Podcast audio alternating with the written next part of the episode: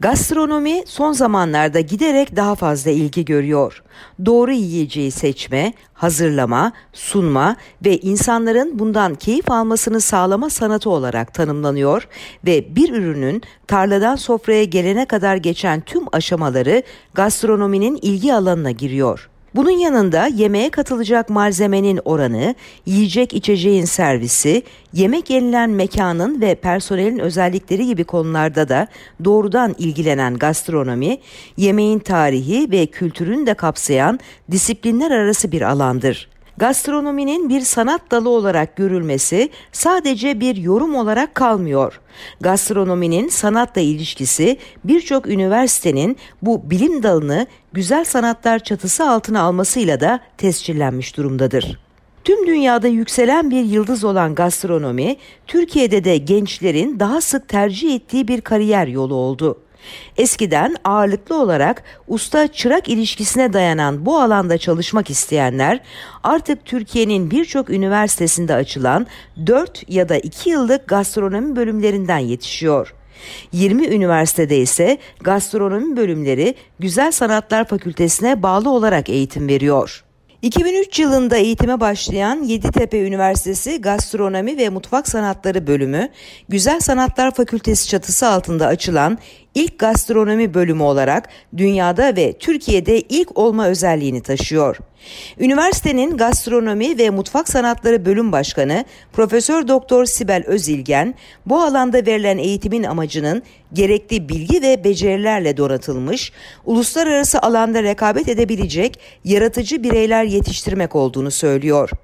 Gastronomiyi kültür, iktisat ve matematikle bir arada ele aldıklarını belirten Özilgen, gastronominin bu yönüyle multidisipliner bir alan olduğunu, bölümde uygulamalı derslerin verildiğini, mutfağı laboratuvar olarak nitelendirdiklerini vurguluyor ve şunlara ekliyor.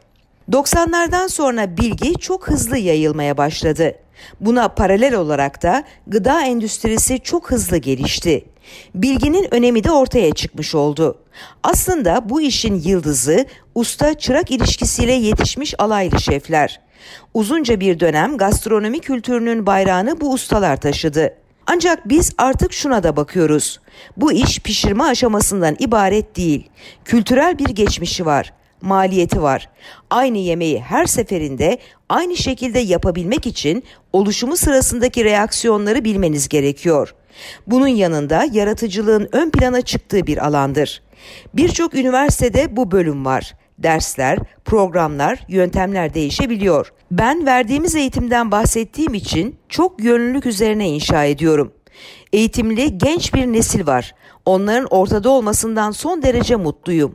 Gıda zaten hiçbir zaman ölmeyecek bir sektör. Başta bahsettiğim gibi artık bilginin hızlı yayılması, son dönemlerde ünlü şeflerin daha görünür olması ilgiyi arttırdı. İyi de oldu diye düşünüyorum. Bundan 10 sene önce yemek yapmayı seviyorum diye gelen öğrenciler vardı. Ama şimdi baktığımda bunun bilimsel, sanatsal, iktisadi boyutunu bilerek geliyorlar. Gastronomi ve Mutfak Sanatları bölümünden 2019 yılında mezun olan Kardelen Soyalp ise bu bölümü ilgisi olanın tercih ettiğini belirterek şunları söylüyor. Gastronomi ve Mutfak Sanatları bölümünden 2019 yılında mezun olan Kardelen Soyalp ise bu bölüme ilgisi olanın tercih ettiğini belirterek şunları söylüyor. Gastronomi sevilmeden yapılacak bir iş değil. Tercih etmiş olmak için değil, gerçekten isteyerek okunmalı. Eğitim sürecinde ise öğrencinin ağırlıklı olarak ne ile ilgili olduğunu deneyimlemesi gerekiyor ki bu da stajlarla mümkün oluyor. Biz burada laboratuvar adını verdiğimiz mutfakta ayrılan süre içinde bir şekilde yemeği ortaya çıkarıyoruz. Ama sektörde adeta sudan çıkmış balığa dönüyoruz.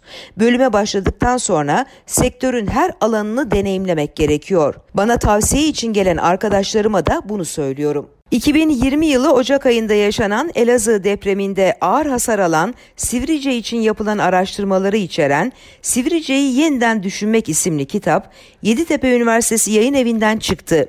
Sivrice'yi yeniden düşünmek kitabı depremin ardından Sivrice ilçesinde gerçekleşecek kentsel projeler öncesinde alanı tanımak ve olası çözümleri tartışmak amaçlı yürütülmüş kolektif bir çalışmanın ürünü olma özelliğini taşıyor. Kitaba konu olan araştırmalar Yeditepe Üniversitesi Mimarlık Ana Bilim Dalı kadrolu akademisyenleri ve lisansüstü öğrencileriyle Emre Arolat Mimarlık Ortaklığında ve Profesör Doktor Celal Abdi Güzer, Profesör Doktor Süha Özkan, Profesör Doktor Uğur Tanyeli, Mimar Fatma Yasemin Aysan ve Mimar Levent Çırpıcı danışmanlığında ilerledi. Elazığ Valiliği, Sivrice Belediyesi ve Elazığ Ticaret ve Sanayi Odası tarafından da desteklenen araştırmalar bu kitapla ileri çalışmalar için akademik bir kaynak olarak erişime açıldı. Sivrice için yapılan araştırmalar Profesör Doktor Ece Ceylan Baba, Profesör Doktor Gülçin Küçükkaya, Doktor öğretim üyesi Burçin Başyazıcı, Doktor öğretim üyesi Aslıcan Varon, Doktor öğretim üyesi Moira Valeri, Doktor öğretim üyesi Sema Karagüler ve Doktor öğretim üyesi Pınar Çalışır Adem tarafından yürütüldü. Kitaba konu olan çalışmalar kapsamında Sivrice'nin tarihi gelişimi ve mevcut yapısı incelendi. Bölgenin nitel ve nicel özellikleri tespit edildi. Bölgenin kültür varlıkları değerlendirildi, demografik yapısı incelendi ve turizm potansiyelleri araştırıldı. Analiz çalışmaları ve belirlenen potansiyeller doğrultusunda kitapta Sivrice'nin ekonomik, sosyal ve kültürel olarak ilerlemesi, turizm açısından bir kültür bölgesi olarak gelişebilmesi için vizyon oluşturma, olası senaryo önerileri ve strateji geliştirilmesi konuları irdelendi. Mevcut yapılı çevrenin yeniden değerlendirildiği kitapta sürdürülebilirlik üzerine öneriler ve örnekler de sunuldu. Kitapta ayrıca Sivrice ilçesinde gerçekleşecek kentsel projeler için master plan tasarım sürecinde ve daha sonrasında hayata geçmesinde yönlendirici olması önerilen tasarımla strateji, yöntem ve modellerine de yer verildi. Koronavirüs nedeniyle dünyada alınan tedbirlerden en çok etkilenen sektörler arasında yer alan turizmle ilgili değerlendirmede bulunan Turizm İşletmeciliği Bölümü Başkanı Doçent Doktor Murat Yücelen, 2020 öncesi rakamlara ancak 2023'te belki yaklaşmaya başlayabiliriz. 2022'de bizim için dengeli toparlanma süreci olarak geçebilir. Turizmde tanıtım çok önemli ve biz bunu etkin yapıyoruz dedi. Pandeminin yaralarını sarmaya çalışan turizm sektörünü geçtiğimiz aylarda çıkan orman yangınlarının da etkilediğini belirten Bölüm Başkanı Doçent Doktor Murat Yücelen, sektörde umudun kaybolmaması gerektiğini söyledi. Turizmin geleceğinden şüphe duyulmaması gerektiğini vurgulayan Yücelen, 27 Eylül Dünya Turizm Günü kapsamında açıklamalarda bulundu. Yücelen, 2019 yılında tarihi rekor kırmıştık. 2020 yılında ise ciddi sıkıntılara dünyada biz de girdik. Turizm gelirlerimiz yaklaşık %65 oranında azaldı. Bu yılda 2020 ile benzer oranda bir gelir, bir ziyaretçi öngörüsü söylenebilir. 2020 öncesi rakamlara ancak 2023'te belki yaklaşmaya başlayabiliriz. Önümüzdeki yılda koronavirüs sorununun çözüleceğini söylemek çok güç. Tamamen çözülüp çözülmeyeceğini bile bilmiyoruz. Anlık tepkiler ve stratejilerle ekonomimizi korumaya çalışıp daha iyi şeyler yapmaya çalışacağız. 2023'ten önce ciddi bir düzelme olacağını söylemek zor. 2022'de bizim için dengeli toparlanma süreci olarak geçecek diye konuştu. Sektörde sıkıntı yaşayan şirketlerin yanı sıra sezonu çok iyi kapatanların da olduğunu vurgulayan Yücelen, business oteller ve şehir içi otellerde ciddi bir doluluk oranı yakaladık. Ama bu da kafi gelmiyor. Bizim şirketlerimizin finansal, insan kaynakları yönetimi ve pazarlama stratejileri açısından geleceğe hazırlanmaları için stratejiler geliştirmemiz gerekiyor. Geçmişe değil, geleceğe bakmalıyız. Turizm tartışmasız biçimde ülkemizin ilk üç gelir kaynağından biri. Kendinin yanı sıra direkt ya da dolaylı olarak en az bir buçuk düzine kadar sektörü besleyen ve ciddi istihdam kaynağı olan bir sektör dedi. Hizmet alıcıları çeşitlendirmenin çok önemli olduğunu ifade eden Yücelen, paket turlar hakkında görüşlerini şu sözlerle aktardı. Bazı fiyat tabanları koymamız gerekiyor. Bir odamızı minimum şu fiyata satıyoruz demek gerekiyor. Maalesef bize ne fiyat verilirse biz o fiyatı kabul ediyoruz. Yeter ki dolu olsun. Önümüzü görelim mantığı var. Halbuki bizim rakiplerimiz diyebileceğimiz Yunanistan, Hırvatistan, İtalya, İspanya gibi ülkelerin böyle bir derdi yok. Onlar paket turları çok nadir kullanıyor. Bunlar hizmet verenin pazarlık gücünün yüksek olduğu ülkeler. Ülkemizin turizm potansiyelini değerlendirmek çok derin ve engin bir konu.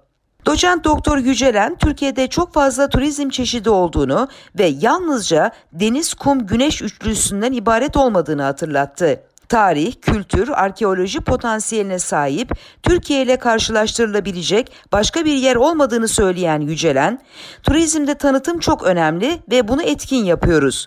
Türkiye, İstanbul, Muğla dediğiniz zaman herkes zaten tanıyor. Dünyanın öbür ucundaki insanlar bile biliyor.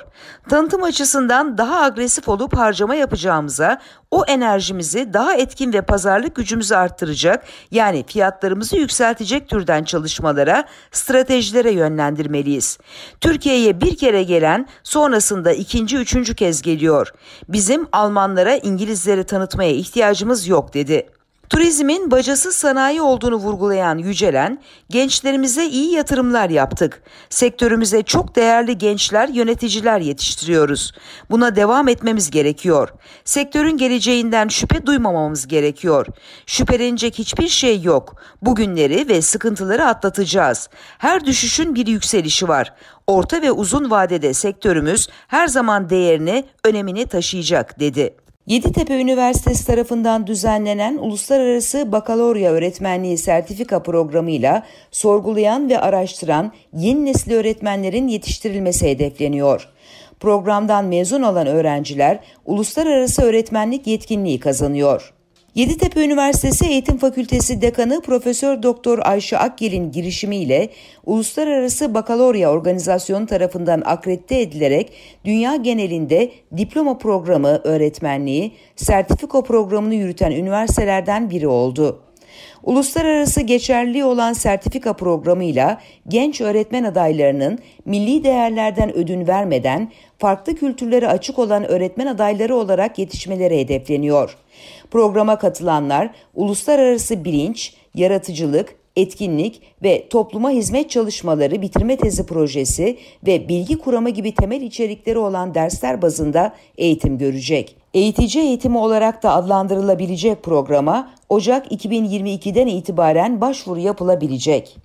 Programa ilişkin detaylar hakkında bilgi veren Sertifika Programı Koordinatörü Doktor Öğretim Üyesi Öykü Dulun, alınan akreditasyon kapsamında öğretmenlere de hizmet içi sertifika programı sunduklarını belirtti.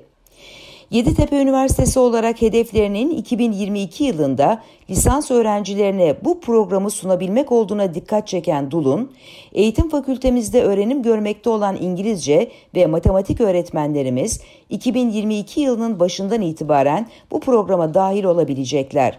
Bu program kapsamında genç öğretmen adaylarımızın hem milli değerlerimizden ödün vermeden hem de farklı kültürlere açık olan öğretmen adayları olarak yetişmelerini hedefliyoruz. Programımız kapsamında adaylarımız okullarda staj imkanı bulacaklar. Aynı zamanda bu staj imkanlarıyla beraber kendilerini çok yönlü donatabilecekler. Kendi öğretimleri üzerinde araştırma yaparak da sorgulayan ve araştıran yeni nesil öğretmenler olmalarını hedeflemekteyiz diye konuştu. Dul'un lise öğrencilerinin almakta olduğu diploma programı, öğrencilerin eleştirel düşünebilen, sorgulayan, araştırabilen ve öz düzenleme becerileri yüksek, hayat boyu öğrenen bireyler haline gelmelerine yardımcı olan bir programdır. Böylesine prestijli bir programda ders verebilme yetkinliğine sahip olacak öğretmen adaylarının yetiştirilmesi hedefleniyor.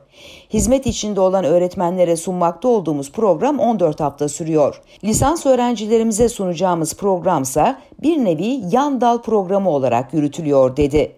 Yeditepe Üniversitesi Eğitim Fakültesi Dekan Yardımcısı Doçent Doktor Hülya Kılıç ise programla ilgili öğrencilerin uluslararası geçerli olan bir diplomaya sahip olacaklarına dikkat çekti. IB diplomasıyla mezun olan lise öğrencilerinin yurt dışında eğitim görebildiklerine, ayrıca Türkiye'de de bazı üniversitelerde bazı derslerden muaf olduğuna vurgu yapan Kılıç sözlerini şöyle sürdürdü. Çok avantajlı bir diploma programı. Üniversitemizde öğrencilerimize yönelik olarak verdiğimiz IB diploma programı öğretmenliği sertifika programının matematik öğretmenlerine artısı ise şu şekilde. Biz artık lisans programında bu öğretmen sertifikasını vermeye başlayacağız. Böylelikle mezunlarımız uluslararası diploma veren okullarda öğretmen olarak çalışabilecekler. Aynı zamanda diplomaları uluslararası alanda geçerli olacak. İş olanakları olarak öğretmen adaylarımıza daha fazla fırsat veriyor. Ülkemizde bu tarz programlara ilgi giderek artmakta. Önceden sadece özel okullarda IB diploma programlarını görüyorduk. Ama artık devlet okullarında da bu program çok yaygın bir şekilde uygulanıyor. Bu da mezunlarımızın hem devlet okullarında hem de özel okullarda iş bulma olanağını yükseltecektir. Bu programda eleştirebilen, düşünebilen, sorgulayabilen, problem çözebilen öğrencilerin yetişmesi hedefleniyor. Günümüzde son zamanlarda öne çıkan öğretmen rollerinden bir tanesi olan öğretmen tasarımcısı rolünün de ne demek olduğu, matematik öğrenilmesi ve öğrencilerin matematiksel düşünme becerilerini geliştirmesi için nasıl bir öğretim tasarımı yapılması gerektiğini öğrenme ve uygulama fırsatı bulacaklar dedi. Yeditepe Üniversitesi İngilizce Öğretmenliği Bölümü Doktor Öğretim Üyesi Evrim Eveyik Aydınsa programa ilişkin şu ifadeleri kullandı. Uluslararası Bakalorya programı araştırma ve sorgulama odaklı, öğrenciler arasında işbirliği ve ekip çalışmasını destekleyen, öğrencilere farklı öğrenme olanakları sağlayan bir öğretim anlayışı benimsemektedir. Bu öğretim anlayışı içinde öğrenciler eleştirel düşünebilen, sosyal dil becerileri gelişmiş, iletim becerileri gelişmiş, öğrenmeyi bilen bireyler olarak yetişirler. Bunlar 21. yüzyılın becerileri. Biz öğretmenler de bu becerilere sahip bireyleri topluma kazandırmakla yükümlüyüz. Bunun için de öncelikle öğretmenlerin bu beceriye sahip olması gerekiyor. İngilizce öğretmenliği programında verilen bütün derslerde öğrencilerin yalnızca dil becerilerini ve alan bilgilerini geliştirmeyi değil, yaratıcı, sorgulayıcı bir bakış açısı kazandırmayı hedeflediklerini belirten Aydın, lisans öğrencilerimizin de bu programdan yararlanmasını hedeflemekteyiz. Onlar lisans programıyla anaokulundan liseye her aşamada öğretmenlik yapabilirler.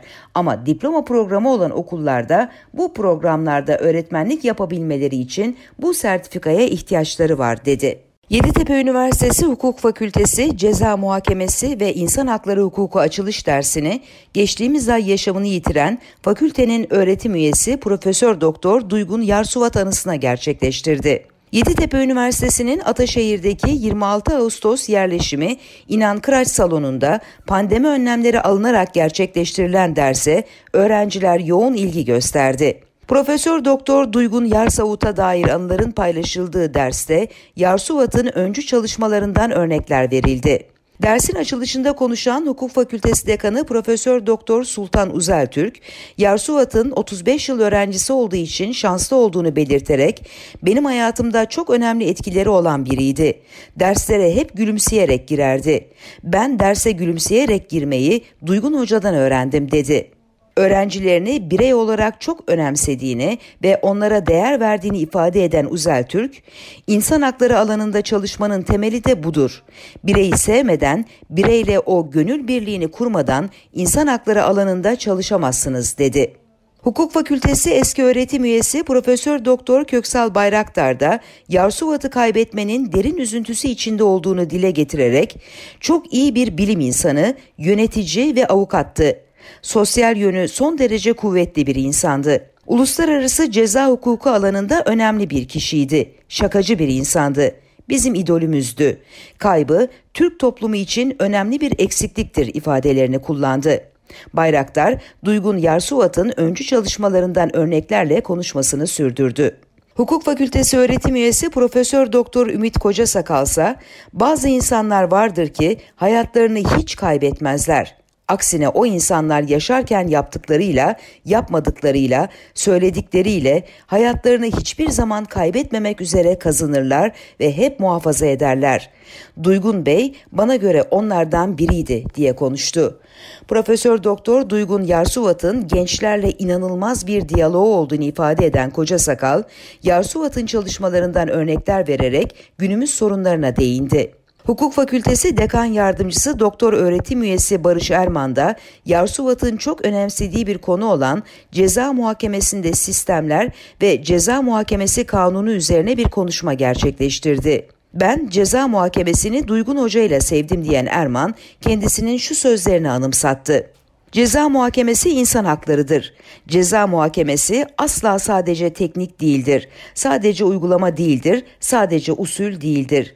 Ceza muhakemesi bir içeriğe, bir felsefeye sahiptir ve her zaman insanın özgürlükleriyle çok yakın ilişkilidir. Hukuk Fakültesi doktor öğretim üyesi Fulya Eroğlu ise çok şanslı bir asistanlık dönemi geçirdiğini ifade ederek Yarsuvat'ın öğrencileriyle çok yakından ilgilendiğini ifade etti. Hukuk Fakültesi Doktor Öğretim Üyesi Kaan Karcıklı'nın da konuşma yaptığı derste son konuşmayı ailesi adına kızı Elif Yarsuvat yaptı.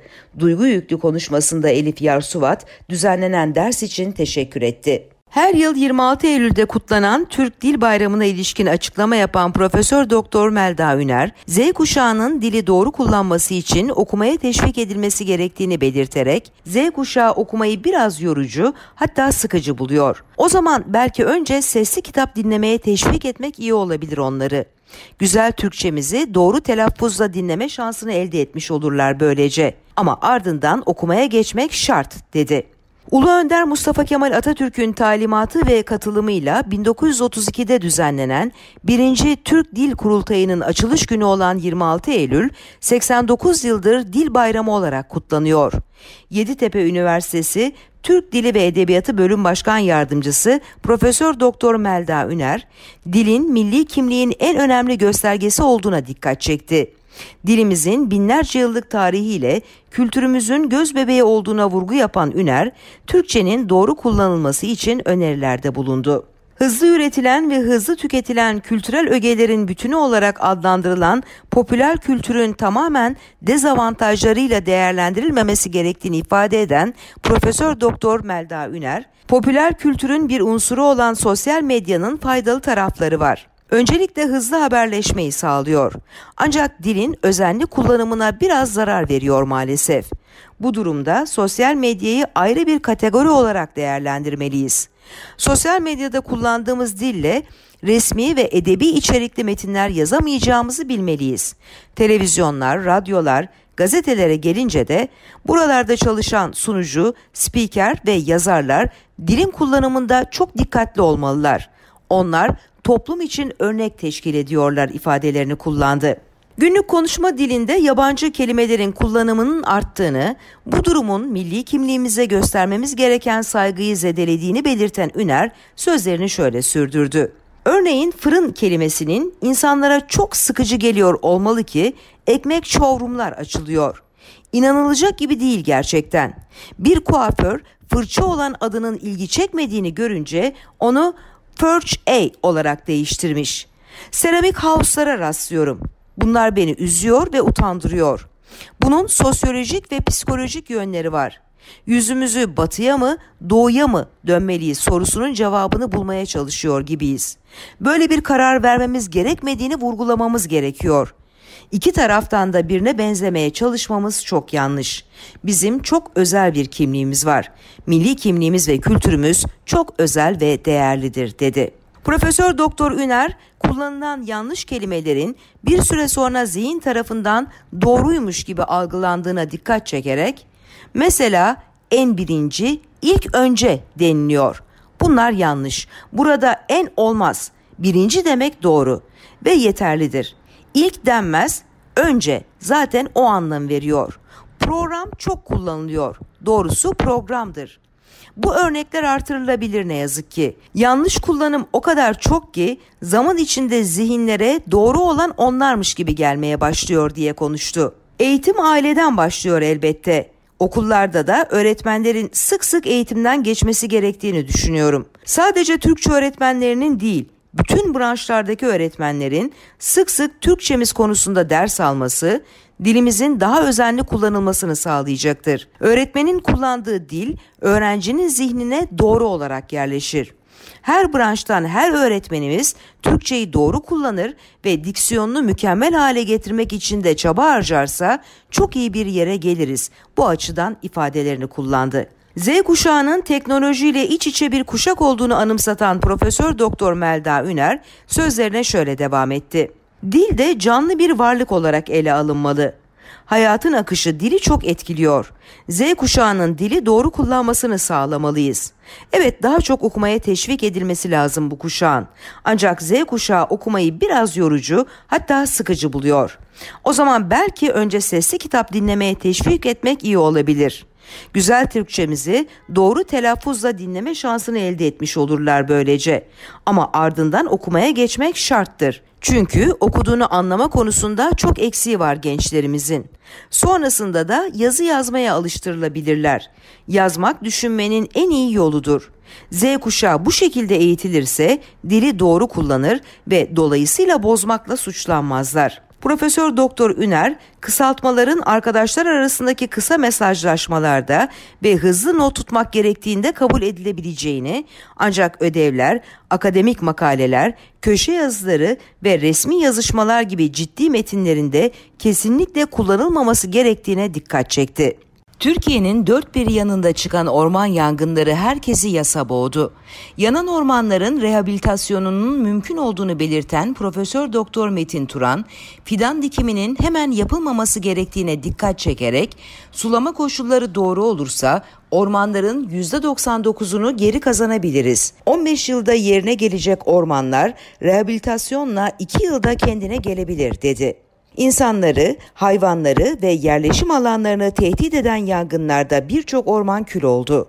Oksijen kaynağı ormanların rehabilitasyon sürecinden geçerek eski haline dönmesinin mümkün olduğunu ifade eden Yeditepe Üniversitesi öğretim üyesi Profesör Doktor Metin Turan, önemli olan hemen toprağa fidan dikmeye çalışmamaktır. Toprak 0.30 ila 0.40 santimetre derinliğinde canlı ve dinamik sistemler var. Toprağın bu kısmı mikroorganizmalar, solucanlar gibi pek çok organizma barındırıyor. Bunların tamamı yangın nedeniyle ortamdan uzaklaşıp gittiği için toprak tamamıyla bir materyal haline geliyor.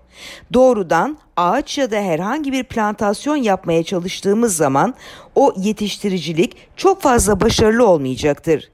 Yapılacak rehabilitasyon çalışmalarıyla en fazla 3 yıl gibi bir zaman zarfında toprağın daha önce sahip olduğu dinamiğe yakın değerlerde bir dinamik oluşturulup daha sonra ağaçlandırmaların yapılması işin başarıya ulaşmasında son derece önemli olacaktır diye konuştu.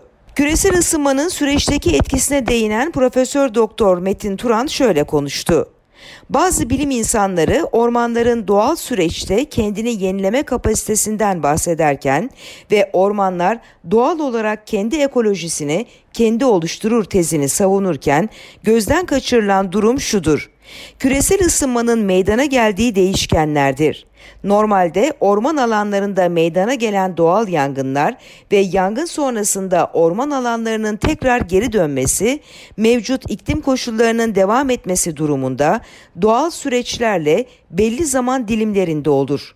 Ancak yağışlarda, sıcaklıklarda ve ekolojide değişikliğin olması, yağışların normallerin çok altına düşmesi ve nemle sıcaklık değerlerinin değişkenlik göstermesi nedeniyle düşünüldüğü gibi tahrip olan orman alanlarının çok kısa sürede kendiliğinden yenilenmesi mümkün olmayacak ve çok daha fazla zaman alacaktır. Bu nedenle alanların yönetimi ve ıslahı oldukça önemli bir süreç ve planlama gerektirmektedir. Bu konuda Tarım ve Orman Bakanlığı önderliğinde bir ekip kurularak üniversiteler ve sivil toplum örgütlerini de barındıran bir modelle orman ekolojisi ve yönetimi birimi oluşturulmalıdır.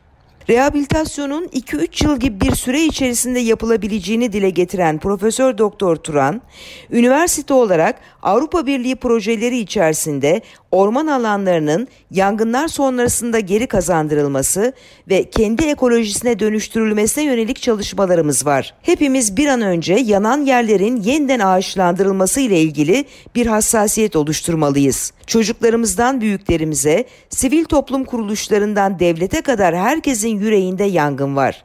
Bu konuda Tarım ve Orman Bakanlığı'nın izniyle bizim de girişimlerimiz olacak. Rehabilitasyona destek için bedelsiz yerler isteyeceğiz. Yurt dışındaki Türk firmaları da Türkiye için ellerinden geleni yapacaklarına dair haber gönderdiler. Türkiye'deki tarım kuruluşları ve sivil toplum örgütleriyle birlikte sırt sırta verip bu işi başaracağız ifadesini kullandı. Rehabilitasyon çalışmalarında gerekli olan detayları paylaşan Profesör Doktor Turan sözlerini şöyle sürdürdü.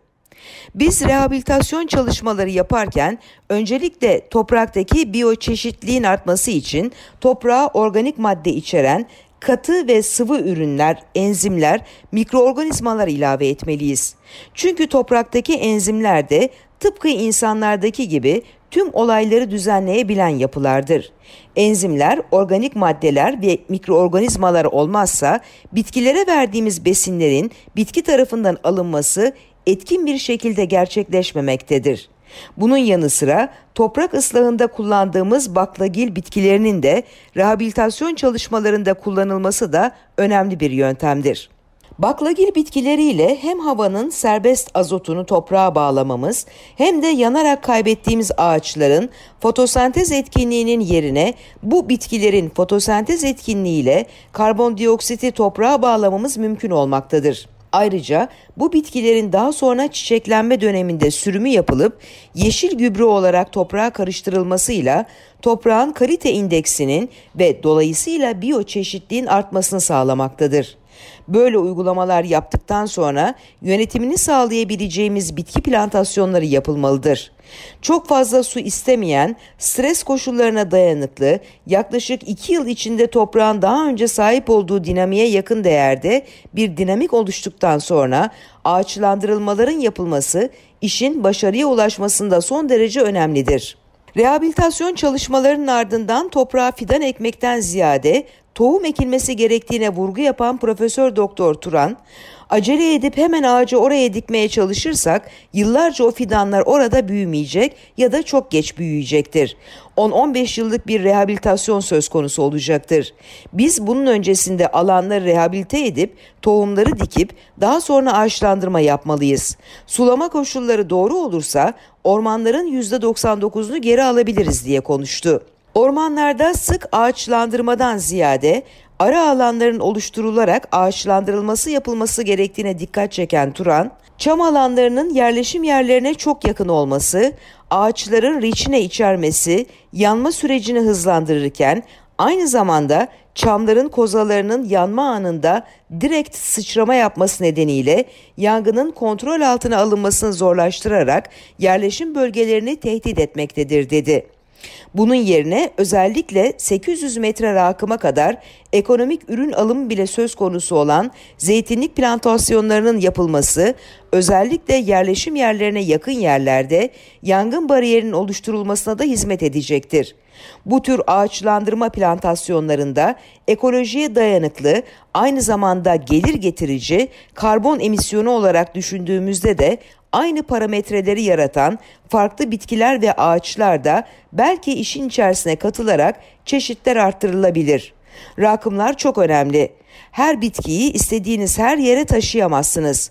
Ama köy ve ilçe alanlarına yakın yerlerde koruma bandının oluşturulması felaketlerin önlenmesi açısından düşünülmesi gereken bir faktördür dedi. Rusçanın Birleşmiş Milletler'in kabul ettiği 6 resmi dilden biri olduğunu söyleyen Yeditepe Üniversitesi Rus Dili ve Edebiyatı Bölüm Başkanı Doktor Öğretim Üyesi Hülya Arslan, Rusça ticaretin ve sanatın dilidir. Öğrenciler bölüme geldiklerinde alfabeden çekiniyorlar ama iki ay içinde okur yazar oluyorlar. Mezun olduktan sonra gençlerin çalışma alanı oldukça geniş, rakiplerine göre de iki adım önde oluyorlar dedi. Arslan, Rusça ve Rus kültürüne yönelik de bilgiler verdi.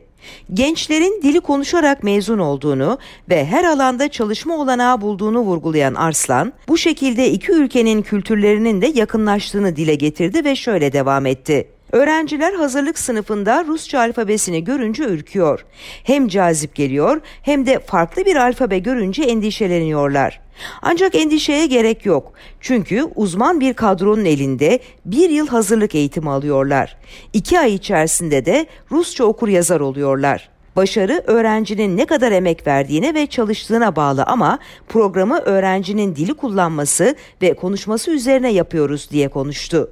Günümüzde dil eğitimine kültürler arası iletişim eğitimi diye baktıklarını belirten Arslan, iki kültürü birbirine bağlayacak, yaklaştıracak uzmanlar yetiştiriyoruz. Öğrenciler bir yıl hazırlıktan sonra dört yıl sürecek lisans eğitimine geçiyor. Eğitimlerde sadece Rusça üzerinden gitmiyoruz. Hem ekonomik hem sosyal hem politik açıdan birbirimize yakın ülkeleriz. Dolayısıyla öğrencilerin çalışma alanları oldukça geniş. Bu nedenle lisans eğitimlerinde alan bilgisi de veriyoruz. Alınan eğitimlerde uluslararası ticaret, taşıma, turizm, tekstil, sağlık gibi alanlar oluyor. Öğrenciler bu alanlarda Rusçalarını kullanacak şekilde mezun oluyor ifadelerini kullandı. İş alanlarının çok geniş olduğuna dikkat çeken Arslan, bir öğrencimiz Hollanda'daki kimya şirketinde Rusçasını kullanarak çalışıyor. Gençler çok farklı iş kollarında çalışabilir. Türkiye'deki firmalarda Rusya'nın geniş coğrafyasında mezunlarımız isteklerine göre iş bulabiliyor dedi. Gençlere iyi olanaklar sunup rahat yaşatacak bir dil olduğunu aktaran doktor öğretim üyesi Hülya Arslan, Rusça edebiyatın, sanatın ve müziğin dilidir. Dünya edebiyatında iz bırakmış edebiyatçılar Tolstoy, Dostoyevski, Çehov gibi sanatçıların dilidir. Gençlerin daha çok ilgi alanına giren günümüzde ticaretin de dilidir. Onlara güzel bir gelecek verecek, iyi hayatlar yaşatabilecek olanaklarla dolu bir dildir diye konuştu. Öğrencilerin beklentileri ve isteklerinin çok fazla olduğunu, bunu karşılamak için de çok çalıştıklarını anlatan Arslan, öğrenciler ilk başta konuşabilecek miyiz diye endişe ediyorlar. Tabii ki konuşacaklar. Aksi hali söz konusu değildir. Ardından iş bulma konusunda tereddütleri var. Elbette iş de bulacaklar. Bir yabancı dili en fazla ana diliniz kadar öğrenebilirsiniz. Dolayısıyla 4 yıllık eğitimleri boyunca öğrencilerimizin farklı alanlarda da eğitim almalarını sağlamaya çalışıyoruz. Çift ana dal olanağı sunuyoruz. Bunların başında uluslararası ticaret, uluslararası ilişkiler geliyor. Sanata yönelen psikoloji alanında çift ana dal yapan öğrencilerimiz de var. Onlar tam donanımlı olarak rakiplerinden bir ya da iki adım önde Rusçanın zenginliğiyle mezun oluyor ifadesini kullandı. Kendi deneyiminden örnek veren Arslan, çok farklı alanlarda da çalıştım. Ancak Rusçayı ve Rus kültürünü bilmek her zaman önümü açmıştır. Rus dili, Rus edebiyatı çevresinde döner. Örneğin bugün Başkan Putin bir konuşma yaparken edebiyattan örnekler verir, alıntılarla konuşur. Hangi yazardan veya eserden alıntı yaptığını ve ne ima ettiğini halk anlar. Dolayısıyla Rus edebiyatını, kültürünü bilmeden Rus insanıyla iletişim kurmanız mümkün değildir. Bence dilin zenginliği de oradan geliyor. Tabii ki dilde atasözleri üzerinden çok fazla metafor var. Bu zenginlik bizim dilimizde de var. Ama kültürü bilmeden Rus toplumuyla iletişim kurmaya çalışmak Türkiye'de Rusça öğrenen gençler önündeki bariyerdir. Bu nedenle öğrenciler tercih yaparken de programlarına iyice baksınlar. Kültürü ne kadar içine aldığı, diğer alanlarda verdiği bilgiler önemlidir, dedi. Z kuşağının cesur, yaratıcı ve girişimci olduğunu söyleyen Yeditepe Üniversitesi İktisadi ve İdari Bilimler Fakültesi Dekan Yardımcısı Doçent Doktor Altankar, Türkiye'de girişimcilik ekosistemi 10 yılda çok hızlı gelişti. Para değil, özellikle online girişimcilikte fikir önemli. 2021 yılının ilk yarısında 129 girişim 1.3 milyar dolarlık yatırım aldı. Türkiye Avrupa ülkeleri arasında 8. Orta Doğu ve Kuzey Afrika'da ise 2. sırada yer alıyor. Yeditepe Üniversitesi İktisadi ve İdari Bilimler Fakültesi Dekan Yardımcısı Doçent Doktor Altankar, son yıllarda girişimcilik ekosisteminin özellikle Z kuşağı arasında yaygınlaştığını söyleyerek sektörler, ülkeler ve üniversiteler açısından startupların önemine ilişkin bilgi verdi. Online girişimcilik kavramının genç nesilde ilgi çektiğini anlatan Kar, yani startup girişimciliği ön planda. Yeni nesil kafasına girişimci kafası diyoruz. Çok güzel, orijinal fikirler çıkıyor. Öğrencilerimiz fikirleriyle bize geliyor. Aralarından bu fikirleri okurken hayata geçirenler de oluyor. Önce girişimci olmak için paranızın olması gerekiyor gibi bir algı vardı. Ama şimdi özellikle online girişimciliğin gelişmesiyle fikirler öne çıktı. Silikon Silikon Vadisi'nde denenen fikirlerin benzerlerini ortaya koyan cesur ve mücadeleci gençlerimiz var. Türkiye'de girişimcilik ekosistemi son 10 yılda ciddi bir yapılanma içerisine girdi, gelişti. Risk yatırımcıları da fikirlerin geliştirilmesi için gerekli desteği veriyor diye konuştu. Üniversitelerin teknoloji transfer ofisi açtığını, fikirlerin yarıştığı yarışmalar düzenlendiğini aktaran Kar, Üniversitemizde her yıl Yeditepe Yeni Fikir adında bir yarışma düzenleniyor. Yarışmaya her bölümden öğrencimiz katılabiliyor. Jürisinde profesyonel melek yatırımcılar da bulunuyor. Daha üniversitedeyken öğrencilerimizin projelerine yatırım yapan yatırımcıları öğrencilerle buluşturuyoruz. Yarışmada dereceye giren gençlerin fikirlerini hayata geçirmeleri için üniversitemizdeki Kuluçka merkezinde onlara yer veriyoruz. Yani fikri olan öğrencilerimize destek vermeye devam ediyoruz ifadesini kullandı. Girişimcilikte yaşın çok önemli bir kriter olduğunu aktaran Kar, yaratıcı fikirler ve cesaret gençken daha rahat ortaya çıkıyor. Biz de gençlerin enerjisinin önünü açıyoruz. Türkiye girişimcilik ekosistemde hızlı gelişen bir ülke. Türkiye'de yatırımcıların ve iş geliştirme uzmanlarının girişimleri veri ve analizlerle takip edebilmesi için düşünülmüş bir platform olan startups.watch'un verilerine göre 2021 yılının ilk yarısında 129 girişime 1.3 milyar dolarlık yatırım yapıldı. Türkiye Avrupa ülkeleri arasında 8. Orta Doğu ve Kuzey Afrika'da ise 2. sırada yer alıyor. Polonya'yı, Yunanistan'ı, İtalya'yı ve Danimarka gibi birçok Avrupa ülkesini geride bırakarak önemli başarılara imza atıyoruz dedi. Türkiye'nin İngiltere'den sonra bilgisayar oyunları alanında önemli bir aktör olduğunu belirten doçent doktor Altan Kar, yurt dışına oyun ihraç eden önemli ülkelerden biriyiz. Türkiye nüfusunun %40'ı 30 yaşının altında.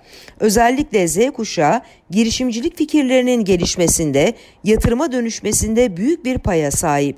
Z kuşağının üniversite içindeki varlığı, girişimcilik ekosistemi içinde yeni yatırımlar, kuluçka merkezlerinin, teknoloji transfer ofislerinin oluşmasında büyük katkı sağlıyor.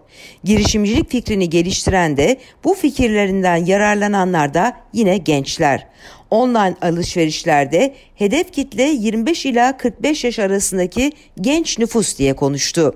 Girişimcilik ekosisteminde fikri geliştiren, planlayan, proje haline getirip sonuçlandıran ve bu fikirleri kullanan gençlerin Türkiye'nin dünyada önemli bir yere gelmesinde büyük rol oynadığına dikkat çeken Kar, gençler bilgi ve birikimlerini, vizyonlarını geliştirsin. Girişimci olmak için para değil fikir önemli. İnovasyon merkezlerini araştırsınlar. Dijital oyun sektörü, yapay zeka, lojistik ve sağlık alanında yeni, inovatif fikirlere ihtiyaç var. İçinizdeki yaratıcılığı öldürmeyin. Kafalarda yaratılan bariyerleri aşmak adına her türlü fırsatı yaratın. Girişimcilik hikayelerini okuyun. Önümüze çıkan fırsatlardan kendinizi alıkoymayın, sınırlamayın, dedi.